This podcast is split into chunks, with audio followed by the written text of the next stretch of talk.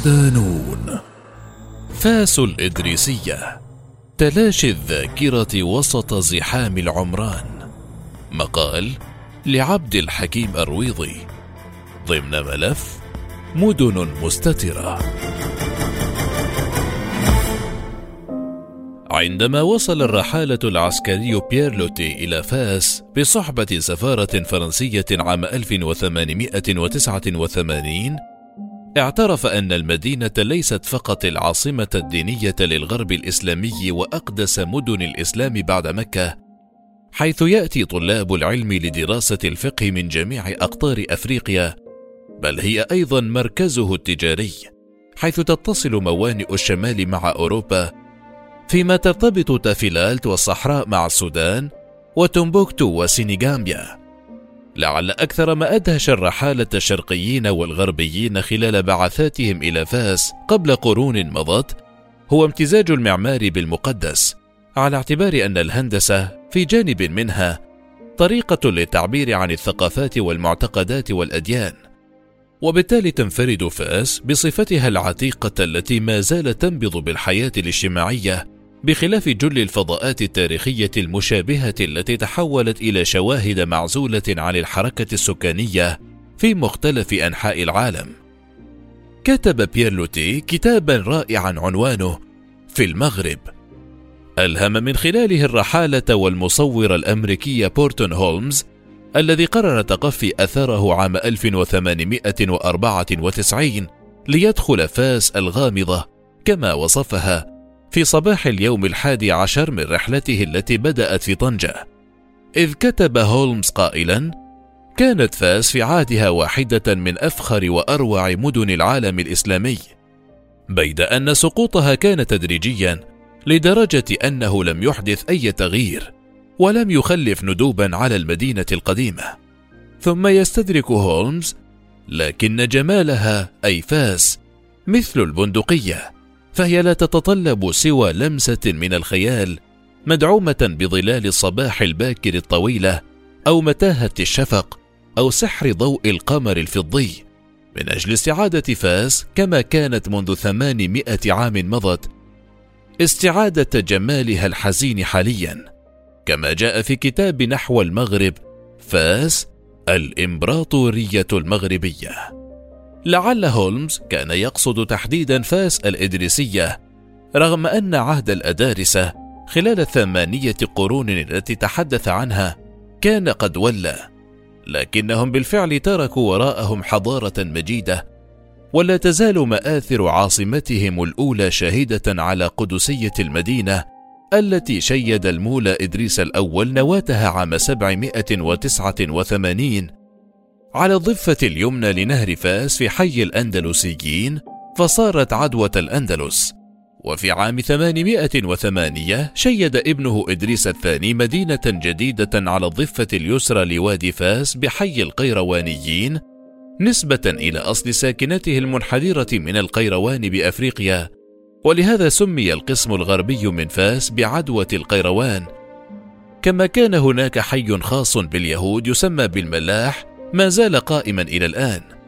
إنها واحدة من أكثر المدن أصالة في المغرب وقد خدمت فاس كعاصمة للبلاد ما لا يقل عن ثلاث مرات طوال تاريخها بدءا من الدولة الإدريسية بين سنة 788 و 974 مرورا بالمرينيين بين 1244 و 1465 حيث شهدت هذه الفترة أزهى مراحل تطور المدينة، إذ قاموا بتحصين المدينة بسور وتخصيصها بمسجد كبير وأحياء سكنية، وقصور ومدارس ومرسانات وحدائق. خلال فترة الحماية الفرنسية بين 1912 و 1956 لعب المقيم العام الجنرال يوتي دورا فعالا في نقل العاصمة من فاس إلى الرباط التي كانت في ذلك الوقت مدينة مهجورة ومنسية. فقد أراد اليوتي من وراء ذلك تهميش مدينة فاس التي تحمل رصيدا تاريخيا وشرعية رمزية. وهي المدينة التي كانت تشهد احتجاجات تتخذ في عدة أحايين طابعا عنيفا ضد المستعمر الفرنسي. في هذا التقرير ضمن ملف مدن مستترة نكتشف ما بقي من فاس الإدريسية أي المعالم الأولى للحضارة الإسلامية في المغرب الأقصى التي أضحت الآن تقاوم النسيان وتدهور العمارة وضغوط التنمية الحضرية غير المتجانسة. جامع الأشياخ أول بقعة مقدسة. إذا سألت أهل فاس عن مآثرها سيعددون لك المعالم الدينية بدءا من جامع القرويين وجامع الأندلس وليس انتهاء بضريح المولى إدريس والمدرسة البعنانية وغير ذلك. لكنهم حتما لن يأتوا على ذكر جامع الأشياخ الذي يعتبر أقدم بقعة مقدسة شيدها المولى إدريس الأول بين 743 و 793 برحبة البئر الذي تمت البيعة بمحاذاته. ورد عن وزارة الأوقاف المغربية أن إقامة إدريس الأول كانت بعدوة الأندلس، حيث أدار عليها أسوارا وبنى بها الجامع المعروف بجامع الأشياخ وبعد ذلك اختط عدوة القرويين حيث بنى داره المعروفة الآن بدار القيطون. وذكرت كذلك أن المولى إدريس بنى القيسارية إلى جانب الجامع وأدار الأسوار حوله ثم أمر الناس بالبناء وحتى يشجعهم على ذلك أعطاهم كل ما استطاعوا بناءه قائلا لهم من بنى موضعا أو اغترسه قبل تمام السور فهو له. قيل إن المولى إدريس الأول عندما أنهى بناء المسجد خطب شكرا لله ودعا قائلا اللهم إنك تعلم أني ما أردت ببناء هذه المدينة مباهاة ولا مفاخرة ولا سمعة ولا مكابرة وإنما أردت أن تعبد بها ويتلى بها كتابك وتقام بها حدودك وشرائع دينك. منذ قرون لم تعد تقام الصلاة في جامع الأشياخ وهو معروف كذلك باسم مسجد الأنوار أو أمغارت وهي كلمة أمازيغية تشير إلى منصب سياسي عال. ويقول المؤرخ الفرنسي روجيلو تورنو إن الأشياخ هم أعيان قبائل الأمازيغ الذين كانوا أول من سكن عدوة الأندلس قبل مجيء الأندلسيين. ونقصد هنا أصحاب إدريس من قبيلة أوروبا الذين رافقوه إلى فاس. وأفراد قبيلتي زواغ وبني يرغش اللتين اشترى منهما المولى إدريس الأرض التي بنى عليها مدينة فاس وفقا لما ورد ذكره في كتاب فاس قبل الحماية. تهمل وزارة السياحة إدراج جامع الأشياخ في لائحة مزارات فاس رغم أن عمره يتعدى 12 قرنا. أما الآن فهو يصارع النسيان حيث تلاشت عنه الزخارف والنقوش بسبب الإهمال ولم يكن للجامع صومعة كما أدت الإصلاحات اللاحقة إلى تغيير بنائه بشكل كبير ولم يتبقى من آثاره سوى هيكله الأصلي. دار القيطون لبنة الضريح الإدريسي. يرقد جثمان إدريس الثاني في ضريح فاس. أما والده ومؤسس الدولة فهو دفين مدينة مولاي إدريس زرهون وهناك يوجد ضريحه. وسبق أن ذكرنا أن إدريس الأول انتقل إلى عدوة القرويين وبنى داره المعروفة بدار القيطون وقد سكنها من بعده أحفاده الجوطيون العمرانيون. تعرف كذلك بدار الخيمة وهي جزء من ضريح مولاي إدريس الذي هو عبارة عن مسجد واسع وجميل تقام فيه صلاة الجمعة. بني خلال تأسيس فاس لكنه فقد جزءا من إشعاعه في القرن التاسع ميلادي. وبعد بناء مسجد القرويين ونقل خطبة الجمعة إليه عرف الضريح تعديلات عديدة وترميمات وتوسعات فخلال عهد المارينيين قام الشرفاء الأدارسة عام 1308 بإعادة بناء الضريح بمبادرة من مفتي فاس الحاج مبارك.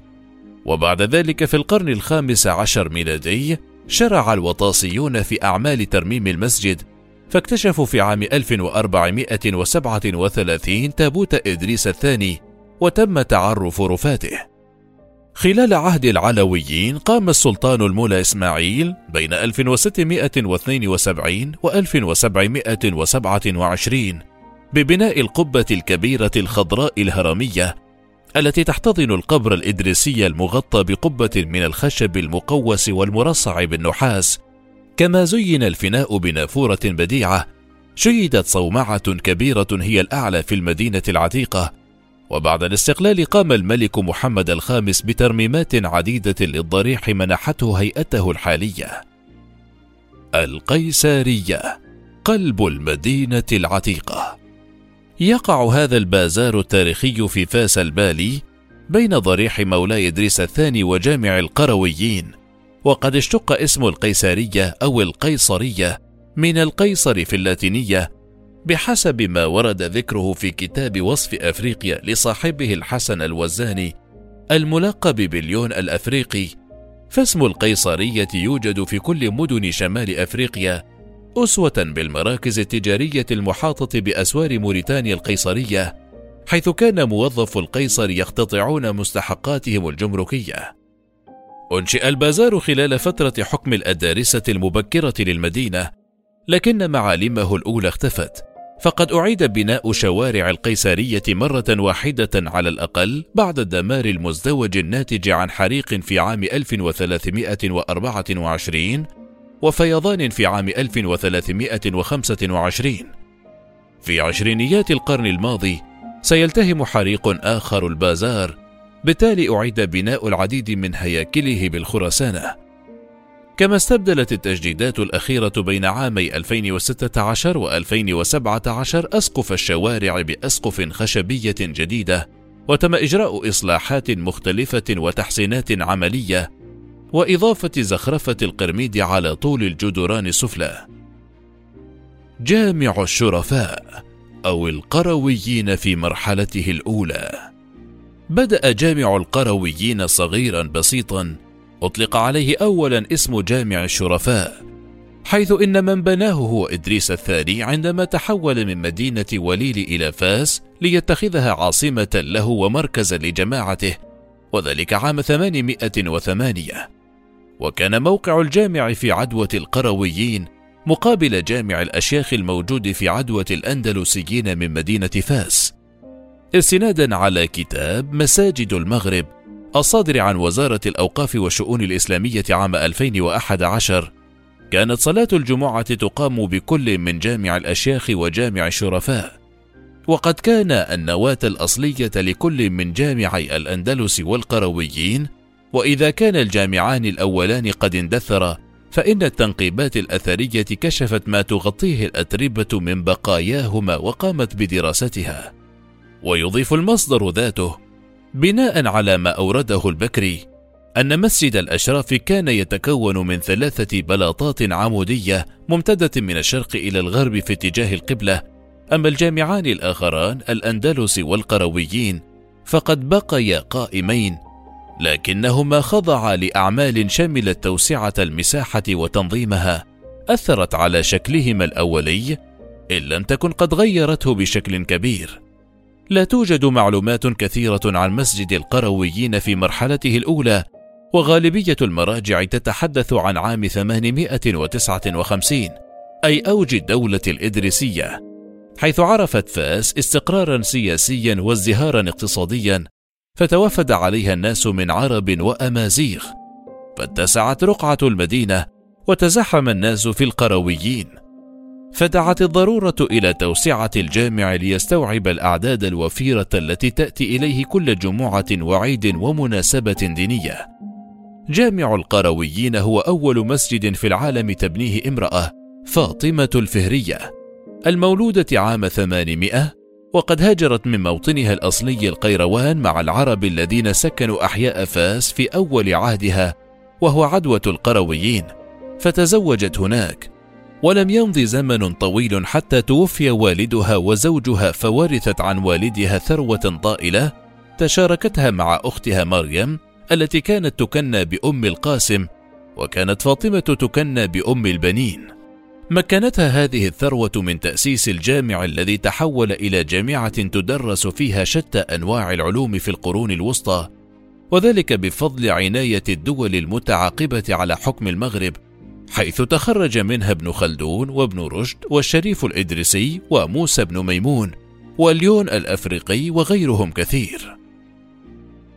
جامع الأندلس فخر أم القاسم على الضفة اليمنى لوادي فاس أي عدوة الأندلسيين شيدت مريم الفهرية جامع الأندلس وقد شرعت في ذلك مع أختها أم البنين عام 859 ليصير هذا الشعور الديني الذي شع من هاتين المرأتين مفخرة من مفاخر المرأة العربية المسلمة وليعتبر من أقوى مظاهر الرقي الفكري عند نسائنا في الماضي. ورد في كتاب الأنيس المطرب بروض القرطاس عام 1326 أن المسجدين بقيا على ما بنتهما الأختان بقية أيام الأدارسة كلها حتى انقضت أيامهم وتملكت زناتة البلاد فبنوا الأسوار على رباط العدوتين فزادوا في الجامعين القرويين والأندلس زيادة كثيرة حدودها باقية إلى الآن. وقيل إن من نقل الخطبة من مسجد الأشياخ إلى جامع الأندلس هو الأمير حامد بن حمدان الهمدان عامل عبد الله الشيعي على المغرب وذلك عام 933 فصار للجامع دور سياسي خطير لأن منبره كان يوجه الشعب حسب آراء الدولة الحاكمة ويشرح للرعايا نظام الحكم الجديد ويحلل لهم المبادئ والخطط التي يسير عليها الملوك الحاكمون خصوصا في تلك الفترة الحاسمة التي استقوى فيها الفاطميون في تونس بينما كان الأمويون يرون أن سلطتهم على وشك الانهيار في الأندلس. thank you